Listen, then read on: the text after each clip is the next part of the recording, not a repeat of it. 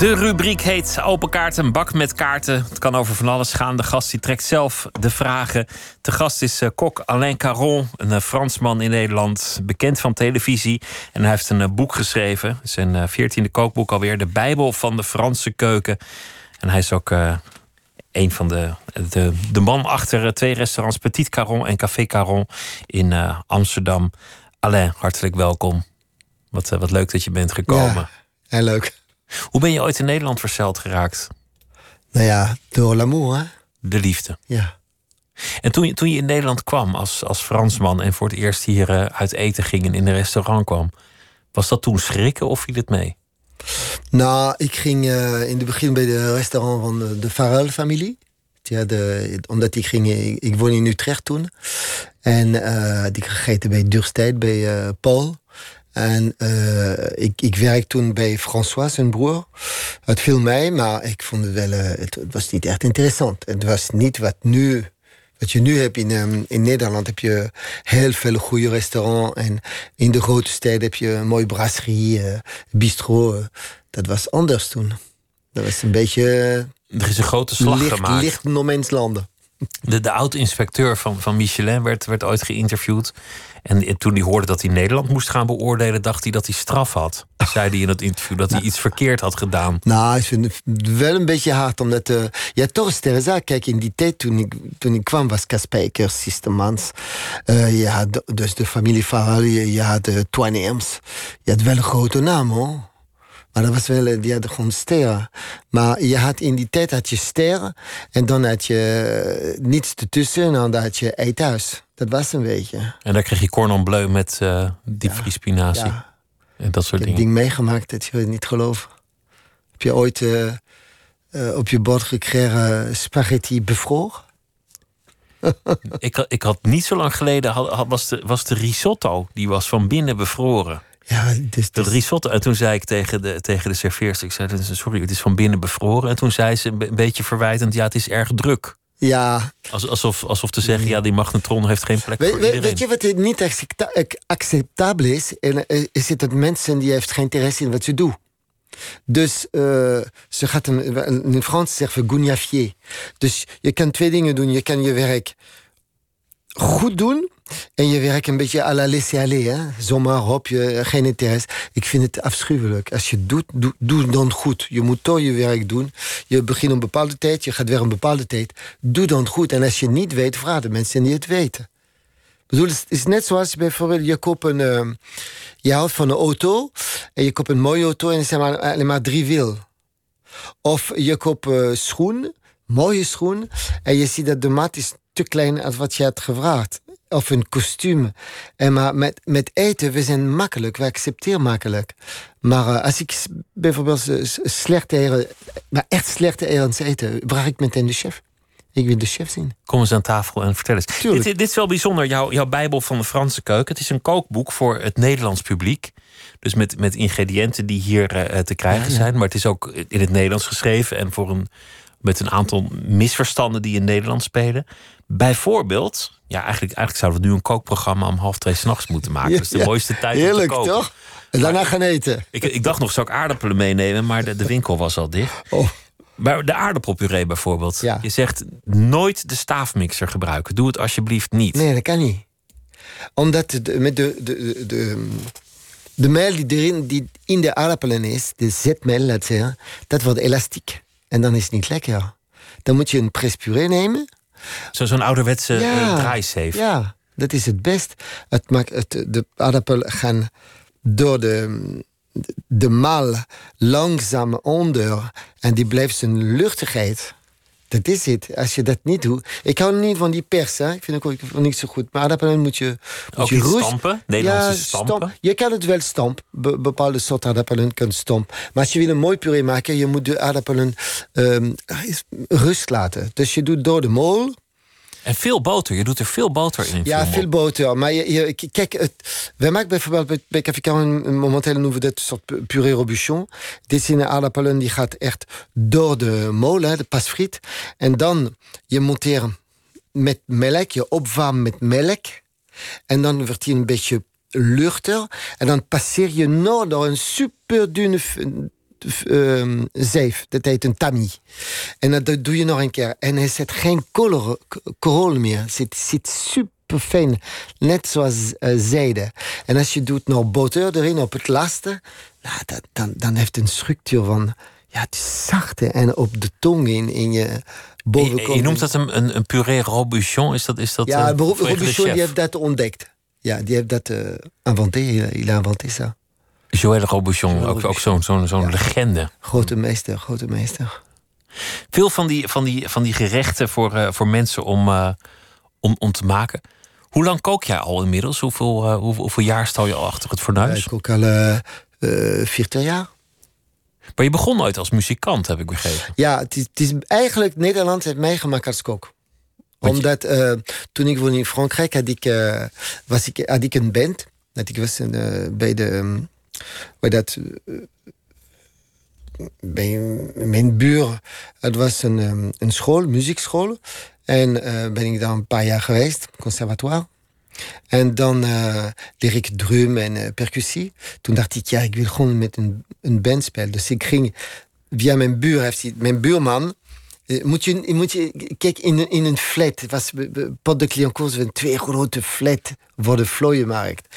En ik zag altijd die jongens die met een, met een gitaar op de rug en een stokjes en basgitaar en die gingen spelen. Ik vond het fantastisch. Toen heb ik een keer gevraagd aan die jongen, wil je mij een, een, um, een drum leren, een, um, hoe dat, een, um, een ritme leren? Toen heeft hij ja gezegd. En het is ik nog vergeten. Dat is, uh, er waren een paar van die bank. En had ik sprak met hem en zei: Ik ga je tempo Amerikaan leren. En dat was tempo Amerikaan C. Dat is het. Het duurde een maand voordat ik het kreeg. Maar op het moment dat ik het kreeg, dat was echt waanzinnig. Ik denk, ah, ik het kan. Dus ik ging door en door en door en door. En um, tussendoor had ik een bandje, en dan nog een bandje, nog een bandje. En op een gegeven moment was het een hele goede bandje met twaalf muzikanten. En uh, toen was ik uh, rond 20, 25. Maar het was heel erg leuk. We spelen overal. Het was gewoon hele goede muziek. Maar uh, werd de, kwam een beetje de hashish en de wit en alles. En het werd een soort decadentie. Want mensen gebruikten te veel drugs en cocaïne, heroïne. En zo is de band, het is echt een traditionele rock'n'roll geschiedenis. Een ja, band die, die ten onder gaat aan het eigen gebruik. En ik had geen zin meer, dus ik denk, ik wil weg, ik wil weg hier. En toen heb ik, ging ik op vakantie met vrienden van mij. En toen uh, ontmoet ik uh, op een boot richting Patmos. We gingen naar Griekenland. Uh, Jet, mijn eerste vrouw. Met wie heb ik een tweeling. Ja. Zo is, het, zo is het begonnen. Zo is het gegaan. Dus ik had geen werk, dus ik moet hier leren. Ik wou, ik wou iets doen. Ik denk, ja, ik ga niet hier in Nederland zijn niks doen. En um, dus je bent een beetje zo begonnen. Toen ben ik teruggegaan naar Frankrijk. Ik dacht, ja, kook ken ik nog niet goed. Toen heb ik echt drie jaar echt uh, ging leren met, met grote chef. Meteen, ik dacht, ja, ik moet naar de best gaan. En toen had ik, ja, ik heb een bagage. Ik ga terug naar Nederland. En toen ben ik begonnen bij de Farrell-familie. En dan heb ik stage bij Kaspijkers, bij uh, um, Wolfengel, bij Paul Farrell, bij uh, Twan bij um, John Halfman. Ik wou alle, alle mensen... Ook hier de grote. Ja, ja, ja. ja, ja oh, wat mooi. Als je wil leren, dan moet je naar de top gaan. Niet, niet leren van iemand die niet kan, dat heeft geen zin. Zullen we beginnen met de vragen? Wil je alsjeblieft een, een, een, kaart die, trekken? Die, die heb je een, eh, een hele goede nu meteen. Heb je een helder? Ja, uh, je noemde al veel helden. Ja, nou, voor mij echt een, een van de... Nou, mijn held zijn mijn vier kinderen. Uiteraard, ja. Ja, sowieso. Je kinderen. En, en, en als ja. chef? Wie, als chef uh, uh, Alain Ducasse. Alain Ducasse. Ja, ik vind een heel grote man. Je, je noemt al Joël Robuchon. En dan, dan ja, nu... Joël Robuchon. Het is een, een, jij bent een Robuchien of jij bent een Ducassien? Je moet kiezen. Jij moet kiezen. Het is de Beatles of de Stones? Ja, dan, dan de Beatles. Alain Ducasse. En waarom Alain Ducasse? Wat, wat nou, omdat ik, ik hou van zijn manier van koken. Ik heb heel vaak hem ontmoet. Ik heb hem laten komen in uh, mijn huis. Heb ik, hebben we hem laten komen in Nederland. Ik heb een paar, ja, ik heb een paar ruzie met hem gehad. Maar ik vind een grote man, omdat hij is de grote kook in zijn tijd heeft hij gewerkt uh, in grote huis, uh, grote restaurant met grote chef. En toen heeft hij gewerkt in Monaco voor uh, de Principauté. In de Principauté voor de, had hij een grote hotel, Hotel de Paris. En Le Louis XV. En toen heeft hij, nadat heeft hij drie ster gehad, had hij gezegd. ik, ik, krijg drie jaar of, vier jaar, binnen vier jaar heb ik drie ster. Gaat. En toen heeft hij koks gemaakt. Niet meer kook, maar heeft hij koks en restaurant gehad. Hij heeft 26 ster nu en is echt een ondernemer. Er ziet duizenden mensen die werken voor mij en nog duizenden mensen die door hem kunnen eten en leven. En hij gaat gewoon door. En zijn kookboek, zijn, het is gewoon de perfectie. Het is de keuken die ik van hou. En het is een menordom. Het is wel een soort Napoleon, hè? maar bon, dan moet je, moet een beetje. Maar, maar ik zag hem laatst op de Franse tv, een, een charismatische man. Ja. Het is, het is echt een. een hij, heeft, hij, heeft meer, hij heeft meer charisma dan Macron. Ja, nou, de manier hoe hij praat ook. Hij weet precies wat hij, hoe hij zegt. Zeg geen fout, zeg geen e. Moet je een keer. Um, ja, maar ik vind dat het. Uh, dat heeft hij niet. Vind ik heel, heel apart. En. Um, hij, heeft een route, laat zeggen, hij heeft een carnet de route. Dus hij gaat, hij gaat gewoon door. En hij, nu is zijn Robuchon is niet meer, Bocuse is niet meer. Dus Ducas is de man. Trek nog een kaart als je wil. Um, oh, is wel grappig. Wat is voor jou, voor jou de beste plek om te wonen? Nou, ik zal het zeggen, momenteel Amsterdam. Amsterdam? Ja. Je bent hier uh, geland dit is jouw plek geworden. Ik vind een uh, stad op maat. Uh, ik vind dat je kan met een fiets kan je in één dag ontzettend veel doen. Dat doe ik ook. Uh, ik vind het uh, nog, doordat er zijn geen grote uh, avenue, dan het blijft klein. Ik kan niet.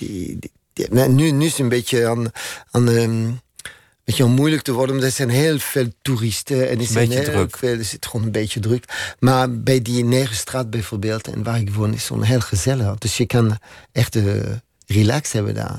Vind leuk. leuk. Wil je nog een kaart pakken? Nog een kaart, nog een kaart, nog een kaart. Uh, nee, die vind ik niet leuk. En mijn handen. Oh, wat is jouw sterkste eigenschap? Um, een beetje moeilijker om mezelf te praten. Uh, ik ben open, denk ik.